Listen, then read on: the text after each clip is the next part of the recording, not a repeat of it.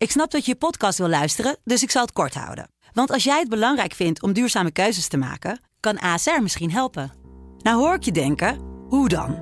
Nou, bijvoorbeeld bij het duurzaam herstellen van schade. Of de premies die we beleggen volgens ons duurzaam beleggingsbeleid. Dat bepaalt waar we wel en juist niet in investeren. Wil je meer weten over welke duurzame keuzes ASR maakt? Ga dan naar asr.nl slash duurzame keuzes. ASR doet het. Zo, dan kan je nu lekker naar je podcast luisteren. Wat staat ons te wachten? Zijn we echt een nieuwe economische werkelijkheid binnengetreden? Of is het even heel heftig en het ebt uiteindelijk weer weg? Ja, maar de restaurants zitten nog vol. Of uh, ik zie mensen gewoon nog op vakantie gaan. Hoe kan dat dan? Of kijkers bij de IKEA, daar kan je over de hoofden lopen. Zeker. Kijk, het is ook niet, in die zin niet zwart-wit. Dit is Kwestie van Centen. Een podcast van de Financiële Telegraaf met Martin Visser en Herman Stam. Martin, ik zag je zo druk op je telefoon. Kijk, zit je nou die WK-selectie, zit je vol in spanning wie er nou af zijn gevallen of niet? Of is het de Bitcoin-koers? Wat was dat je te doen? Nou, allebei denk ik. Ja, je favoriet. we zitten midden in het moment van dat we dat horen, de afvallers. Dus uh, nou, daar kunnen we nog niks over zeggen. Maar daar heb jij volgens mij ook nooit zo'n zin in om uh, daarover te hebben. Nee, ik ga uit principe niet kijken naar het WK. Uh, ja, serieus? Ja. ja, ik kijk, Omdat altijd, je nooit ik kijk altijd uit principe niet naar het WK. En dan wel dat meedoen met die pool, hè? Toch? Nee, die is er nu niet. Nee, nee, men durft er denk ik niet aan. Omdat ik gewoon een winnende strategie heb. Maar die ga ik niet verraden. Nou, die weet iedereen volgens mij inmiddels al. Je vult bij alles 0-0 in. Ja, maar dat, dat was niet ver mee. Dat was niet de winnende strategie. Nee, nee, ik denk nu dat als je over 1-1 invult, dat het de winnende strategie is. Maar uh, ja, nee, ik weet het niet. Nee, geen flauw idee. Weet je, weten mensen zoals jij überhaupt tegen wie we spelen de komende tijd? Wat, wat het polgenoten zijn? Mensen? ja. Die aparte ras. Dat, ja, ja, uh, dat aparte slag. Mm. Uh, nee, nee, moet ik dat weten dan? Qatar, ja. dat is wel van belang. Ja, het is wel, ja, wel waar we spelen, nee, dat weet ik wel. Nee, daar zitten we ook mee in de pool. Oh, we spelen ook tegen Qatar. Oh ja, oké, dat kan principieel dan weer wel. Oké, nee, het kan mij maar heel erg matig boeien. Nee, ik, ik ben zo iemand, nou dat zal moeten blijken, die uiteindelijk, uh, ja, als Nederland dan ergens in de kwartfinale staat, dat het toch erg begint te kriebelen. Want dan zijn er natuurlijk zoveel mensen om je heen die, die daar line niet als voor zijn. En ik schakel pas meestal in het moment, ongeveer de eerste verliezende wedstrijd. En dan heb ik weer bevestigd van zie je wel, er is gewoon geen zak Niks gemist. Wat doe jij als uh, iedereen uh, voor die buis zit? Mag ik daar niet over doorvragen? Of wil je gewoon je? dat we gaan beginnen met ons onderwerp? Ja, ja ik vind, vind, het allemaal prima, maar het leven gaat gewoon door. Ik vraag me andersom altijd af, waar halen al die sportliefhebbers in vredesnaam al die tijd vandaan? Om al die uren te, te besteden, slash vergooien aan alle sport kijken. Ja, ik begrijp dat niet. Nee, we gaan, maar, we gaan nee, nu ik, lekker gewoon tijdens ons werk ja, kijken. Nou, hè? nee, ik ben, ik ben dat weet je wel, hè? Het is om vijf uur en dat soort uh, Ja, zoiets krijg ik mee. Ja, dat is helemaal afschuwelijk. Dan staat het gewoon tijdens het werk gewoon aan. Ja. Dat is helemaal niet te hachelen. Maar, uh, nee, maar ik ben natuurlijk helemaal niet meer bezig. Wat, wat, zal, ik, zal ik nu eens gaan doen tijdens het voetbal? Nee, dat is echt, nou goed. Dat is echt een, een vraag vanuit jouw... Uh, ja. Vanuit jouw bubbel. Al is jouw bubbel best wel groot en de mijne misschien heel klein. Maar uh, nee, mijn leven gaat gewoon door. Dus dat scheelt. En ik uh, heb geen teleurstelling aan het eind. Die heb jij gegarandeerd wel. Nou, ik heb er groot vertrouwen in uh, ja. opeens. Maar dat heeft elke uh, beetje oranje fan aan het begin. En dan is het uiteindelijk één teleurstelling. Dat is wel waar, ja. Met Bitcoin Bubble moeten we daar nog even kort over hebben. Want jij hebt natuurlijk een ja, kritisch volger. Dat durf, en ik, dat durf ik bijna niet. te lachen, denk nee, ik. Ja, nee, nee. Ja. nee dat, ik, daar durf ik niks over te zeggen. Luister gewoon alle vorige podcast over dit uh, onderwerp terug. En dan zul je begrijpen dat er voor mij precies 0 euro zit in uh, crypto's. Mm, maar wel een bijzonder verhaal toch? Met die jonge man uit uh, Californië Zeker, die ja. zat te speculeren. En nu, ja. dat heel, nou ja, dat is ook, vond ik wel even frappant. Het is heel flauw om dan te zeggen van zie je wel, ik heb het altijd al gezegd. Want dat is niet helemaal waar in dit geval. Dit is toch gewoon weer net de echte wereld. Mhm. Toch? Bedoel, mensen die echt in crypto's geloven, doen dat omdat ze graag in een ander financieel systeem willen stappen. Niet bij de traditionele financiële partijen met centrale banken. Dan is dat dus in ieder geval een deel van de aantrekkingskracht.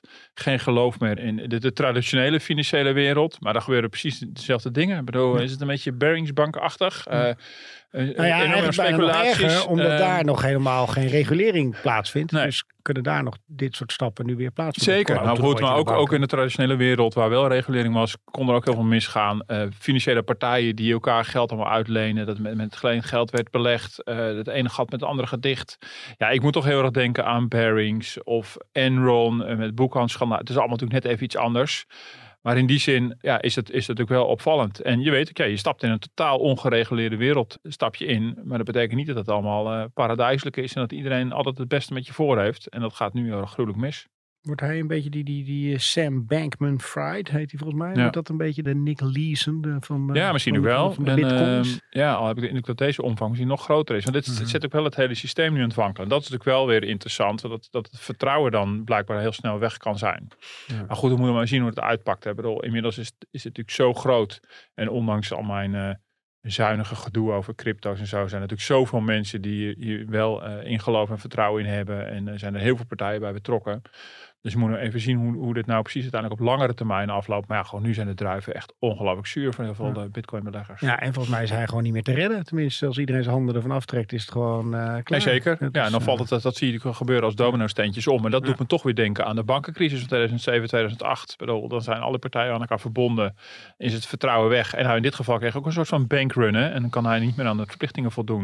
En dan gaat het natuurlijk gruwelijk mis dit zou ook iets te makkelijk zijn. En ik zeg van, zie je wel, dat heb ik altijd al gezegd. Want ja, je speelt gewoon iets af wat in de echte wereld in het verleden ook vaak genoeg uh, hebben gezien. Mhm. Ja, dan valt het allemaal maar mee waar we het over gaan hebben. Nou, dat weten we eigenlijk niet. Maar de echte wereld, om het zo maar te zeggen. De echte economie, als je dat verschil kan maken.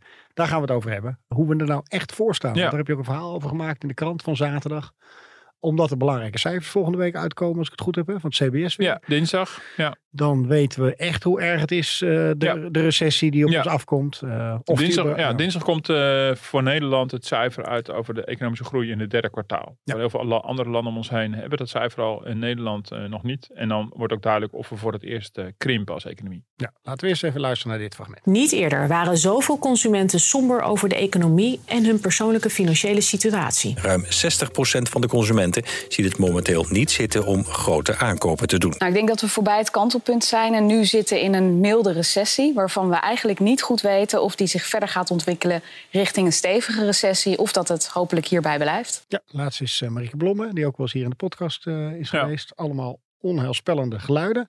En wat we vooral duidelijk proberen te maken aan de luisteraar is van wat zegt het nou eigenlijk allemaal? Want ik heb dat zelf ook een beetje als ik die cijfers zie, denk van jeetje mina. Uh, het wordt allemaal op je, over je uitgestort. Maar waar moeten we naar kijken? Laten we daar eens mee beginnen. Waar, waar kijkt Martin Visser naar? Om te zien hoe ellendig we ervoor staan. Ja, nou ja, Vooral naar die cijfers van, van, van, volgende week? Nee, zeker. Die is natuurlijk sowieso. Maar dat is een soort optelsom. En waar je natuurlijk naar kijkt. En dat zie je natuurlijk Marieke Blom van ING natuurlijk ook al zeggen. Die, die kijken ook al vooruit. En die, zitten, die proberen cijfers in de gaten te houden. Om, om een eerste indruk te hebben van, van wat uiteindelijk dat totaalcijfer zal gaan zijn van de economische groei. Daar kwamen al een paar dingen voorbij in het fragment. Een van de aspecten die echt van belang is, is het consumentenvertrouwen. En dat daalt al heel erg lang. Dat maanden op rij. En uh, het opvallende is daarbij dat het echt wel, uh, ja, dat, dat, zit al een tijdje echt onder het niveau van alle voorgaande crises. Dus consumenten zijn somberder dan tijdens de dus coronacrisis. Ook tijdens de eurocrisis. Ook tijdens de eurocrisis. Het slechtste consumentenvertrouwen ja. ever, ja. Dus de vraag is of je echt naar het niveau van het vertrouwen moet kijken of meer naar de, de, naar de trend. Mm -hmm. Er zijn ook wel steeds meer economen die zeggen, nou, het, consumentenvertrouwen is steeds meer losgezongen van, van wat zich daadwerkelijk economisch afspeelt. Dat waag ik een beetje te betwijfelen. Want als je consumentenvertrouwen afzet tegen de consumentenbestedingen. De ene is natuurlijk van, dan vraag je hoe gaat het met u? En de andere wordt echt gemeten en wordt het omgezet in gedrag? Dan zie je dat er wel degelijk een verband tussen is. Alleen misschien wat minder heftig. Maar je ziet dus nu ook, en dat is het andere ding waar we naar kijken, zijn de bestedingen van consumenten. En daar zie je dus inderdaad nou, een stagnatie en misschien zelfs al een daling. In de omzetten die, die gedraaid worden, bijvoorbeeld in de detailhandel, merk je dat misschien nog niet meteen ogenblikkelijk. Maar de omzet is natuurlijk prijs keer hoeveelheid. En de prijs gaat omhoog. Dus de omzetten worden soms ook wel verhoogd, alleen doordat de inflatie uh, er is. Maar als je dus inderdaad sec naar de hoeveelheid kijkt, dus de volumes, dan zie je een hele duidelijke daling. Afnames van volume dat betekent dat mensen dus misschien nog wel meer besteden, maar ze daar minder voor krijgen. Dus ze kopen minder voor, voor meer geld. Dus, en, de minder grote dingen toch altijd? De, ja. de grote aankopen. Ja. En dat zie je dus ook al gebeuren. En bij de meubelbranche heeft het bijvoorbeeld uh, moeilijk. Tenminste, uh, dat geldt ook niet voor elke meubelboer, maar uit het, de, de totaalcijfers zie je dat, uh, dat daar de verkopen echt afnemen. Maar je ziet eigenlijk bijna al, elk onderdeel van de detailhandel zie je al dat die volumes aan het dalen zijn.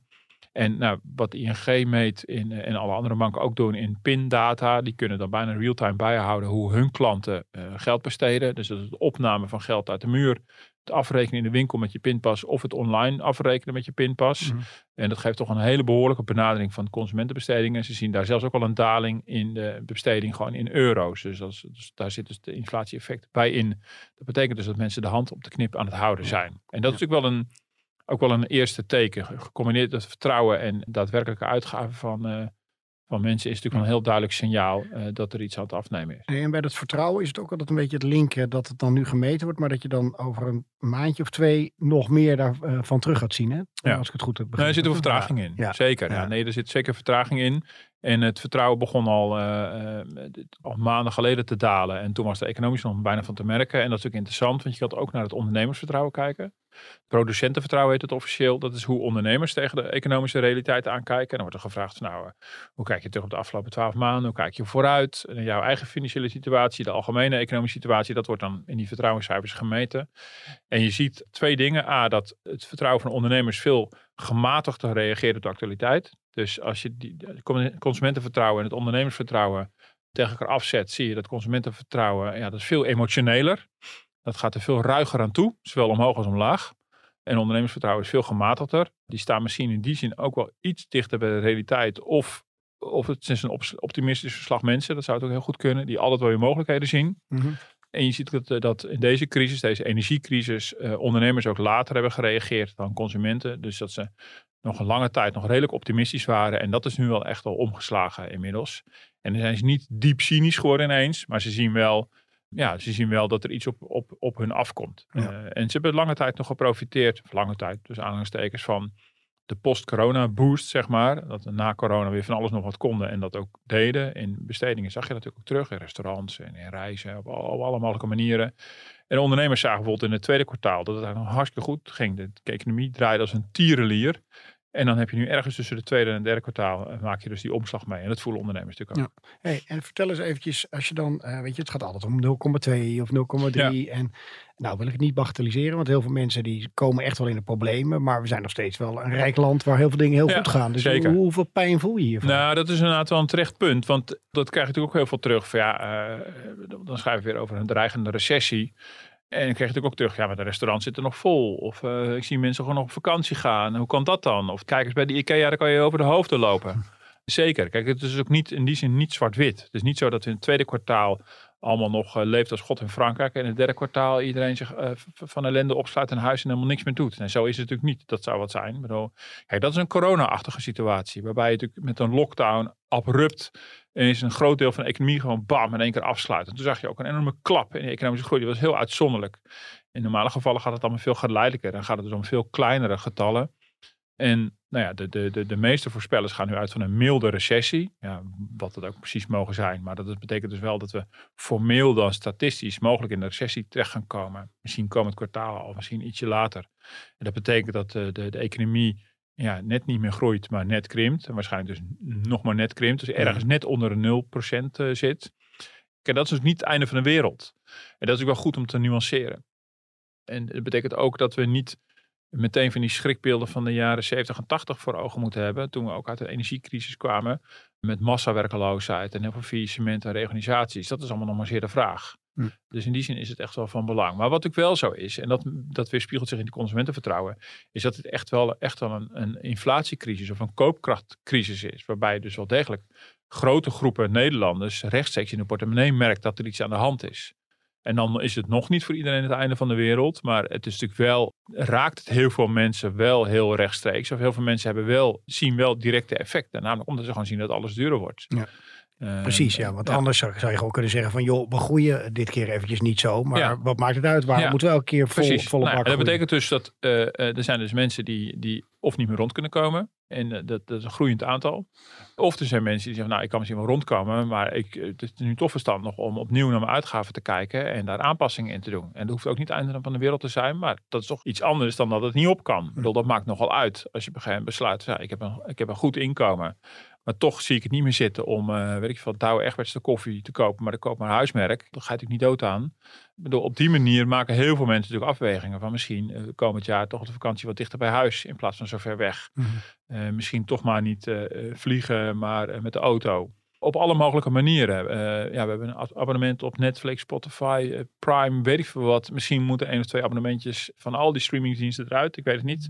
En op al die manieren gaan mensen natuurlijk kijken van misschien kan het een tandje minder. Mhm. Nou, ik denk dat heel veel Nederlanders dat allemaal kunnen hebben. Ja, als we dat met z'n allen op die manier doen, dan zou je natuurlijk zien dat, dat de groei vertraagt. Nou, dat geldt op de, de, de aankoop van een bankstel. Dat je dat misschien toch nog even een jaartje uitstelt. Of een nieuwe auto, of een huis. Of uh, die orde van grootte moet je het zien. En natuurlijk wel zo ehm, dat er op individueel niveau wel degelijk klappen kunnen vallen. Als jij net die ondernemer bent die daar de deuren moet sluiten en jij werkt daar, ja, dan is voor jou het gelach natuurlijk wel heel hard. Ja. Hoe, staan we, hoe staan we er uh, wereldwijd eigenlijk voor? Of laten we eerst even Europa nemen. Want ja. uh, die cijfers worden ook vergeleken met andere ja. landen. Doen we het slechter? Doen we het beter?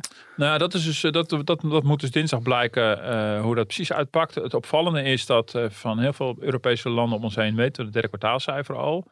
Dus als we daar specifiek naar de economische groei kijken, dan zie je dat landen als Duitsland en, en Frankrijk en Spanje, die zijn allemaal net in de plus. Dus daar is de recessie nog niet begonnen.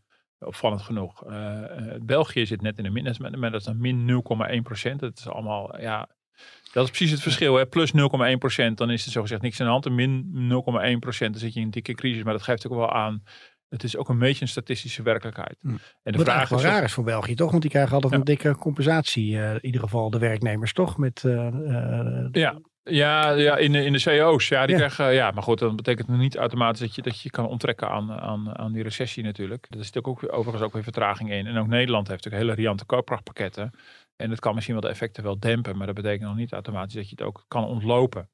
En het zou kunnen zijn, Nederland eh, was eerder boven Jan na de coronacrisis. Het zou kunnen zijn dat we ook vooraan het treintje staan met de recessie. Dat, dat moet een beetje blijken. Dus ook een verschil. De ING die we net horen, die gaat ervan uit dat we in het derde en vierde kwartaal in de min zitten. En andere banken gaan ervan uit in het vierde kwartaal, het eerste kwartaal.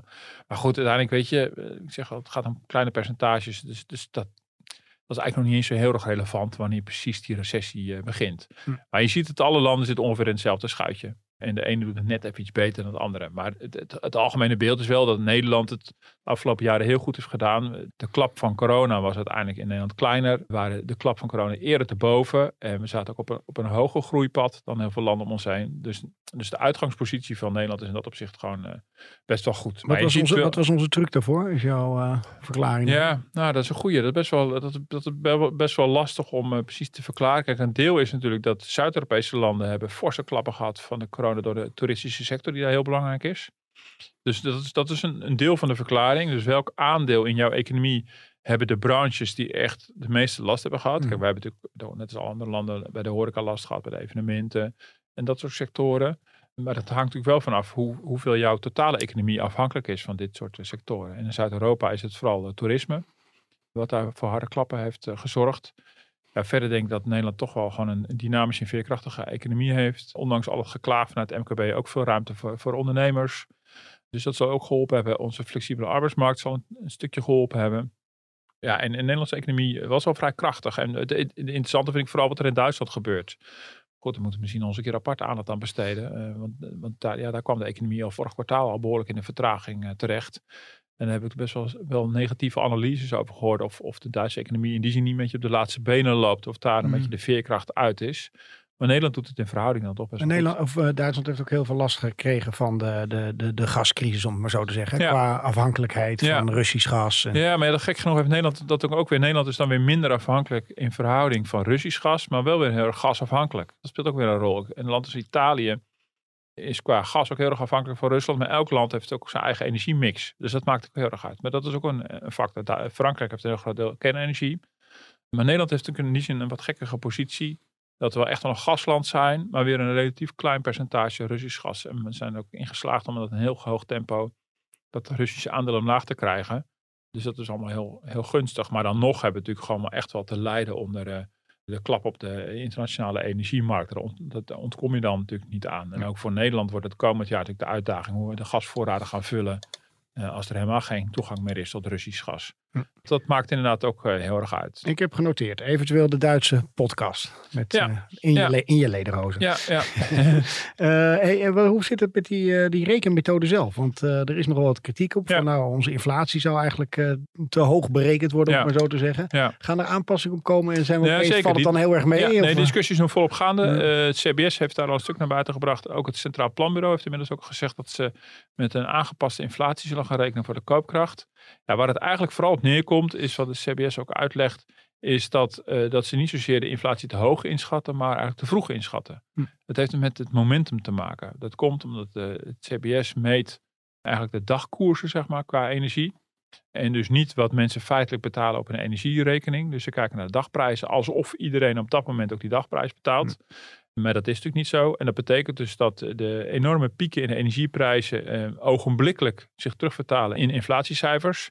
Terwijl in de praktijk natuurlijk pas geleidelijk, uitgesmeerd in de tijd, echt bij de huis, huishoudens terechtkomen. Dus die enorme pieken die we hebben gezien in de cijfers, die doen zich wel daadwerkelijk voor, maar misschien niet op het moment dat het CBS uh, hm. noteert. Maar op zich is dat toch best wel gunstig, want meestal doet het kabinet er nog wel een maand of zes over voordat ze dan tot een besluit komen. Dus hebben ze hier wel op tijd gewaarschuwd ja. van uh, ja. je moet wat gaan doen. Nee, zeker. Maar dat, dat, eh, dat, dat zo kan je het ook uh, zien. Dus dat is, dat is positief. Tegelijkertijd krijg je natuurlijk wel een discrepantie tussen het heftige en alarmistische cijfer en het moment dat het echt in de praktijk begint te piepen en te kraken. Want die signalen wil je dan natuurlijk ook krijgen als kabinet. Van, ja, maar is het wel echt een probleem? Hm. En als het met vertraging komt, dat is toch heel verwarrend. En je krijgt ook een verwarring over de koopkrachtplaatjes. Waarbij je natuurlijk ziet dat de koopkrachtplaatjes voor 2022 heel dramatisch waren. En voor 2023 eigenlijk weer relatief uh, meeleken te vallen. Nou, er was ook een hele discussie ook in de Tweede Kamer natuurlijk een aantal maanden geleden over. Er moest vooral nu koopkrachtsteun komen, niet pas volgend jaar. Dus het, het, het maakt ook wel het politieke debat heel verwarrend. Van, uh, omdat ja, men toch wel precies wil weten, maar wanneer wordt die pijn dan precies gevoeld? En als je, als je koopkrachtsteun zo gericht mogelijk wil geven, is dat niet alleen gericht naar de juiste huishoudens, maar ook gericht in de tijd.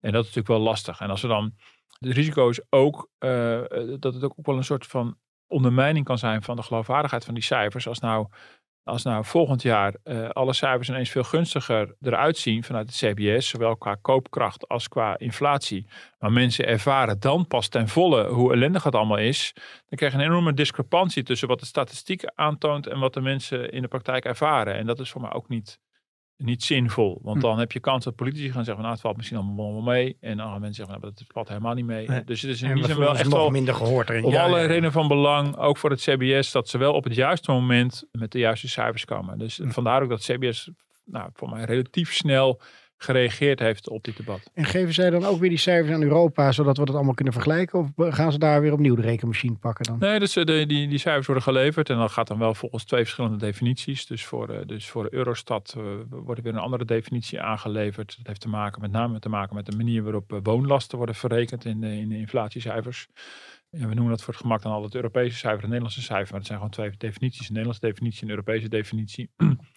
en de, de nationale statistische bureaus, zoals het CBS, die moeten dan iets aanleveren aan Eurostat wat volgens dezelfde definitie is. Alleen daar is wel ook dat verschil. Ook, ook de, de meetmethode is daar in die zin wel hetzelfde.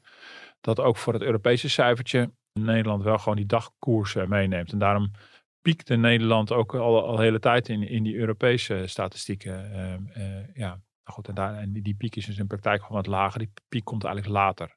Ja, hey, uh, laten we even teruggaan naar uh, de consumenten en uh, een kijkje ja. nemen op de markt. De dag wordt het duurder, met de week. Nou, ik ben wel prijsbewuster geworden, want je merkt de prijzen in de supermarkt die zijn wel behoorlijk omhoog gegaan de laatste tijd. Ik let wel op de prijzen. Als ik een stukje kaas zie van 7 euro voor 400 gram, dan denk ik van laat maar lekker liggen. Bij onze prijzen hebben wij iets moeten verhogen, maar de supermarkt doet dat nog twee keer zoveel. Mensen kijken in de supermarkt minder snel naar prijs. Maar als ze zich daarop concentreren, dan schrik je je helemaal uh, het habibabbi. Ja. Het habibabbi. Ja. ja.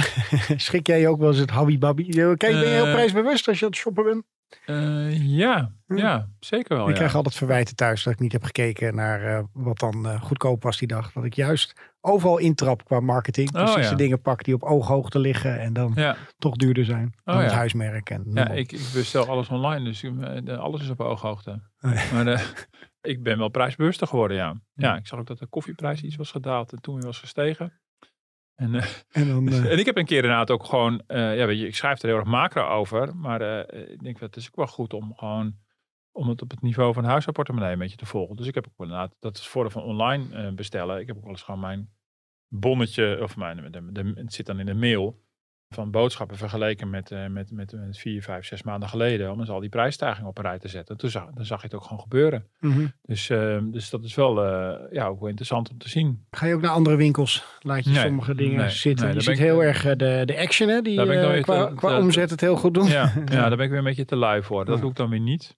Ja, het gaat misschien ook een beetje ongemerkt. Ja, weet je, dan waren we een weekendje weg en dan ben je met de kinderen in, in, in de horeca en dan dan reek je een, een drankje af, appelsap voor 3,25 en een biertje voor 3,50. Ja, ongemerkt zal dat impact hebben op je zin om nog een rondje te doen. En of je dat dan altijd heel erg bewust doet, dat je denkt van zo, en dat, dat, dat ik mm -hmm. ja, dus, uh, dus op die manier werkt dat, werkt dat. En als je gewoon met moeite iedere maand rond kan komen, doe je dat ook allemaal veel bewuster. Maar ik denk dus, dat bedoel ik ook, ik denk dat bijna iedereen daar toch mee bezig is.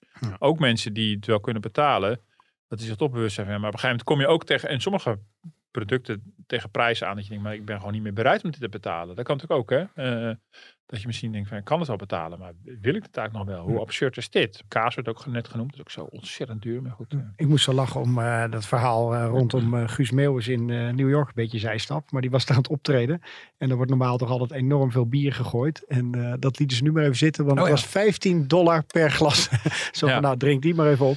Maar goed, dat herken ik wel van toen ik daar woonde. Maar ook hier dat je denkt van, zo zeg, als je een avondje uit bent. Poeh. Ja, nee, dat, dat tikt enorm aan. Dus in die zin eh, merk je dat natuurlijk wel. En dat is natuurlijk wel wat je nu de afgelopen maanden wel echt wel heel duidelijk begint te merken. Dat zien we in de cijfers en dat, dat, dat zal iedereen in de praktijk van alle dag merken. Is, dit is dus de impact van hoge inflatie. Ik bedoel, wat begint specifiek bij een energienota dat grijpt als een veelkoppig monster om zich heen. Dus op alle mogelijke manieren zie je dat natuurlijk terugkomen. En dat zie je dus ook in de, in de inflatiecijfers van CBS. Als je energie eruit haalt en je kijkt alleen maar naar de rest, dan neemt dat dus ook gewoon heel hard toe. Dat betekent dus dat steeds meer spullen in de supermarkt duurder worden. Maar op alle andere manieren ook. Je hebt natuurlijk een discussie rondom de huren, hoe dat nu verder moet.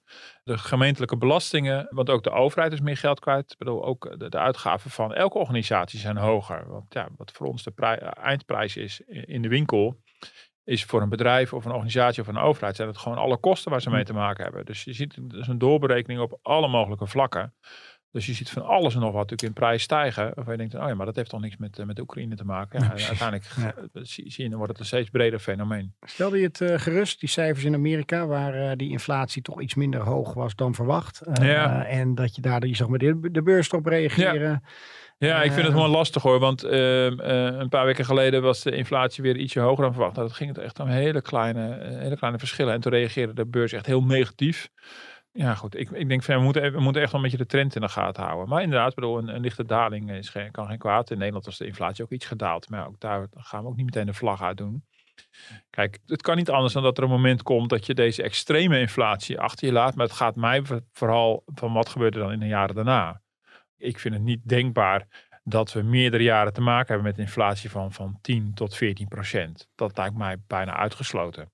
Daar zit ook niet primaire zorg meer. Bedoel, daar zijn heel veel maatregelen uit de kast getrokken. Dat moeten we nu niet met elkaar zien te verstouwen. Met de koopkrachtsteun en het prijsplafond, waar allemaal gedoe over is. Maar, uh, maar het gaat er vooral uiteindelijk over hoe langdurig is de situatie van een relatief hoge inflatie. Dus stel nou dat we drie, vier, vijf jaar lang te maken hebben met een inflatie van 4, 5 of 6 procent. Hm. Die klap is, is ook heel groot. Dus in die zin, ja, een dalende inflatie is prachtig, maar dat betekent niet dat de inflatie-ellende achter ons ligt. Helder, ja. Uh, laten we nog eventjes een rondje langs de bedrijven doen. Want uh, daar zijn wel wat uh, gemengde geluiden van wie het goed doet en wie het slecht doet. Het moederbedrijf van Facebook, Meta, ontslaat 11.000 mensen, heeft het concern bekendgemaakt. De groentefabriek van Hak in Noord-Brabant gaat zes weken dicht vanaf januari. Ja, hier bij ons klinkt het als iets van heel lang geleden. Massa-ontslag, maar het is weer zover bij Philips. De Britse webwinkel voor meubels Meet.com is failliet. Ja, het gaat niet goed met het bedrijf Tupperware in de Verenigde Staten. Dat was deze week het nieuws. Ja, dit waren vooral uh, bedrijven waar het niet zo lekker bij gaat. Maar je ziet ook uh, bij de Aholds uh, enorme winsten. Die kwartaalcijfers zijn nu uitgekomen. Philips draait weer hartstikke goed, ondanks de apneuproblemen. Wat is er aan de hand? Hoe, hoe serieus moeten we dit nemen? Nou ja, we moeten het wel heel serieus nemen. Maar je ziet dus ook dat de problemen heel wisselend zijn per bedrijfstak, per bedrijf er zijn grote verschillen. Het moet zich een beetje, voor mijn gevoel, nog uitkristalliseren hoe dat precies gaat uitpakken per sector. Nou, een van de dingen die natuurlijk opvalt, is in ieder geval de techsector die harde klappen krijgt. De techsector was ook, ook wel de grote winnaar van de coronacrisis. Dus, dus in die zin is op zijn minst ook wel een deels een correctie. Mhm. Corona was natuurlijk het moment van heel veel binnenzitten. En we gingen zoomen en teams en weet ik wat allemaal. Uh, veel dingen online doen. Het heeft een enorme boost gegeven. Uh, in ieder geval ook in de beurskoers en in de, in de, in de winstverwachtingen van, uh, van dat soort bedrijven. Maar je ziet dus nu Meta, de, de van uh, Facebook. Zuckerberg en, bijna in tranen geloof ik hè, bij zijn aankondiging. Ja, een alfabet van Google, Amazon, Microsoft, uh, die, die, krijgen allemaal klappen. Überhaupt de stijgende rente uh, zorgt voor wat minder feestvreugde op de beurs. Nou, nu toevallig net de, de afgelopen twee dagen gaat het door het inflatiecijfer uit Amerika net even wat beter. Maar over het hele jaar gezien is het, is het slecht. En je ziet dat de tech krijgt dan hardere klappen. Uh, toch ook de, de, de angst van de consument die de hand op de knip houdt. Dus dat, dat speelt uh, die, die sector enorme parten.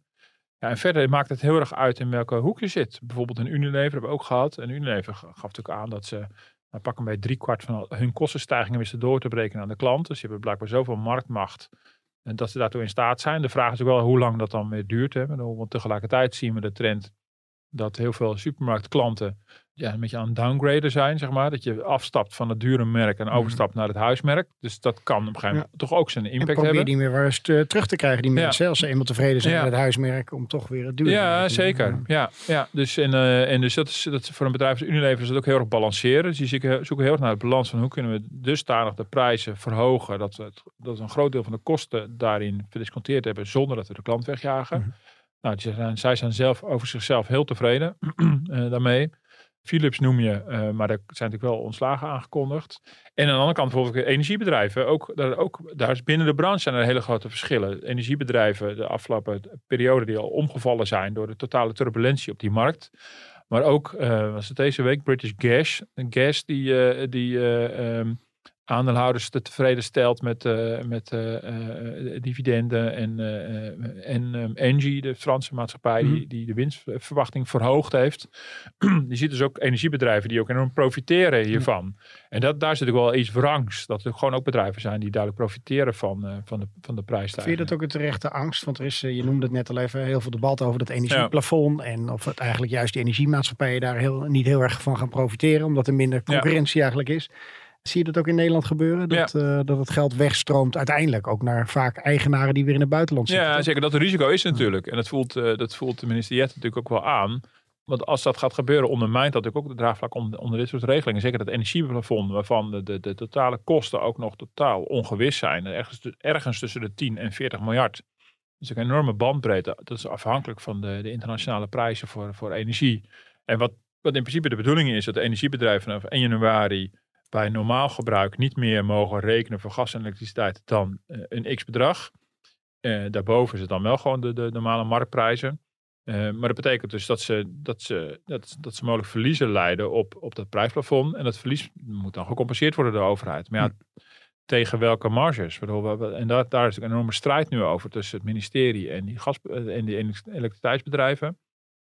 Uh, toezichthouder ACM, dat over de marktwerking gaat, zou de minister adviseren over wat is nou een redelijke, een redelijke marge. En die heeft die opdracht weer teruggegeven. Die willen de handen niet aan branden. Ze zijn denk ik toch bang ook voor eh, heel veel juridische toestanden. Want, want ja, probeer maar in, zo'n turbulente tijd uh, aan te geven wat, wat een, redelijke marge is. Dus die, die hebben die opdracht teruggegeven aan de minister. En die zit er nu maar mooi mee.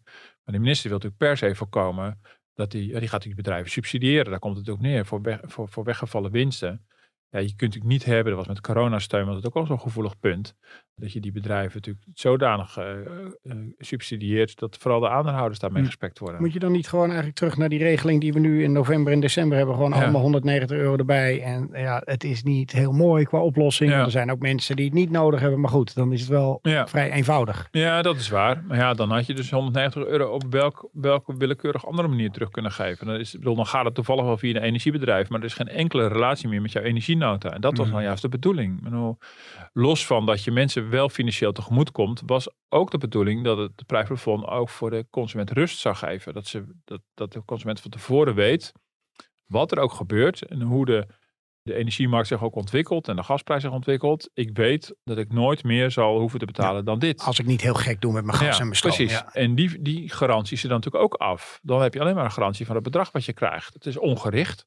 Niet alleen omdat het voor iedereen is, maar ook omdat het geen relatie heeft met de energienota. En het doet ook niet wat het zou moeten doen, namelijk consumenten geruststellen. Dat je weet, van oké, bij een normaal verbruik weet ik, de overheid staat garant voor de, voor de meerprijs. Dus ja, dat zou, als, dat, als dat een woord wordt, dat een hele slechte uitkomst. Ik bedoel, het is alleen maar gunstig voor de sportclubs die jij ging, uh, ging uh, sponsoren, sponsoren met je 190 euro per maand. Maar verder is het een hele slechte uitkomst.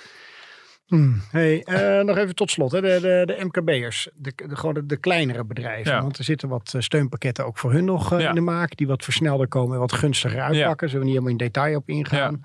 Maar uh, meer qua crisis. Wat staat voor hun dan te verwachten, de, de, de kleinere bedrijven? Nou, voor de kleine bedrijven is het natuurlijk wel lastig, want sowieso zijn er heel veel bedrijven die worstelen heel erg met de mate waarin ze kosten te kunnen doorberekenen. Ik noemde, noemde net al Unilever, waar, waar gejaagd wordt dat dat in grote mate wel kan. Maar als je gewoon over de volle breedte kijkt, dan zie je dat uh, nou, een kleine 60% van de ondernemers aangeeft dat ze niet of nauwelijks eh, stijgende kosten kunnen doorbreken aan de klant. Nou, misschien is dat voor ons als klant ook fijn. Maar die ondernemers moeten dus die kosten voor eigen rekening nemen. Dus dat betekent dus dat, dat winstmarges in, uh, in steeds meer bedrijven onder druk komen te staan. Nou, voor het ene bedrijf vindt dat misschien niet zo erg, want die hebben voldoende reserves. Maar uh, voor andere bedrijven, misschien vooral uh, midden- en kleinbedrijven, uh, kan dat echt heel zuur zijn. En kan het ook betekenen dat het ook het einde, einde verhaal is. Mm -hmm.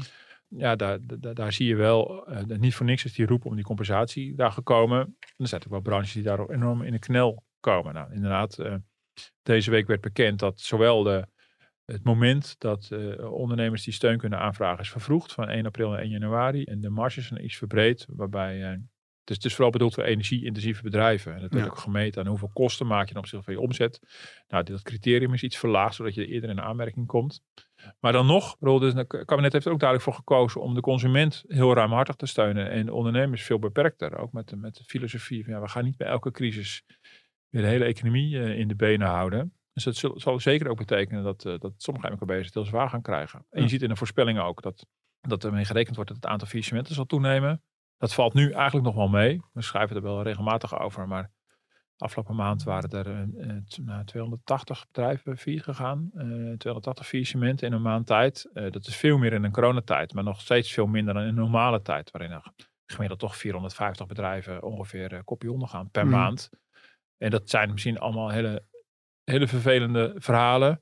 Eh, maar ja, een, beetje dynamiek in die markt heb je natuurlijk ook nodig. Dat gewoon weer nieuwe, frisse ideeën weer kans krijgen. En dat, dat, dat bedrijven die op een gegeven moment gewoon geen goede klanditie meer hebben, dat die plaatsmaken.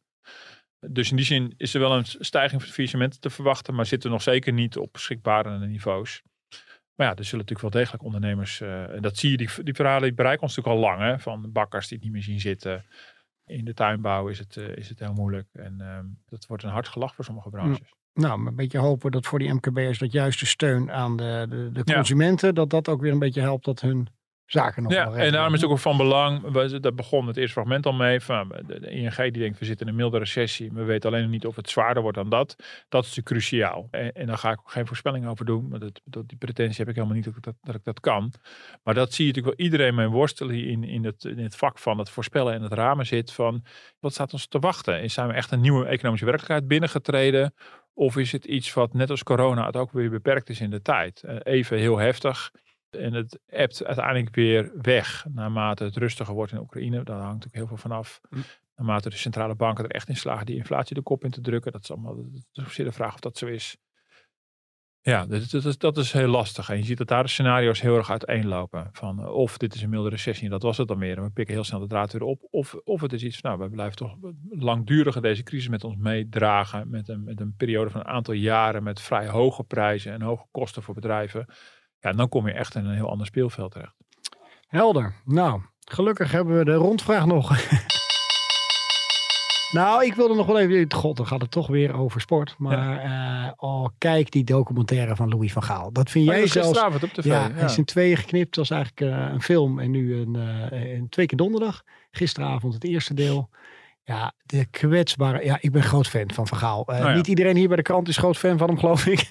Maar ik eh, vind hem een heel bijzonder mens. En ook nu wat je wat van inkijkje krijgt in zijn gezin. Het leed wat hij heeft gehad met het overlijden van zijn vrouw. Zijn Ja. dochters komen in beeld. Hoe hij daarmee omgaat. Ja. Kippenvel sommige momenten. Nou, dan, Dus, dan ga ik ook een kijktip geven. Kijk dan ook eh, eh, tegenlicht eh, terug van afgelopen maandag over de voedselindustrie in Nederland. De fotograaf Cardier van Lohuizen eh, heeft zowel een fotoserie gemaakt als deze reportage. En het mooie daaraan is, is dat het eh, echt letterlijk gewoon in beeld brengt hoe onze voedselindustrie eruit ziet. Veeteelt, landbouw, Hm. zonder een oordeel. Het laat gewoon zien hoe groot Nederland is in de wereld. We zien heel veel beelden. Ze zijn overal binnen geweest, bij slachterijen, bij kwekers, tuinders. Ze komen bij de containeroverslag. Alles heel sec gepresenteerd met cijfers over zoveel miljard kilo uien produceren we. Zoveel procent is voor de export. Nou, dat, Mhm. voor, voor alle fragmenten.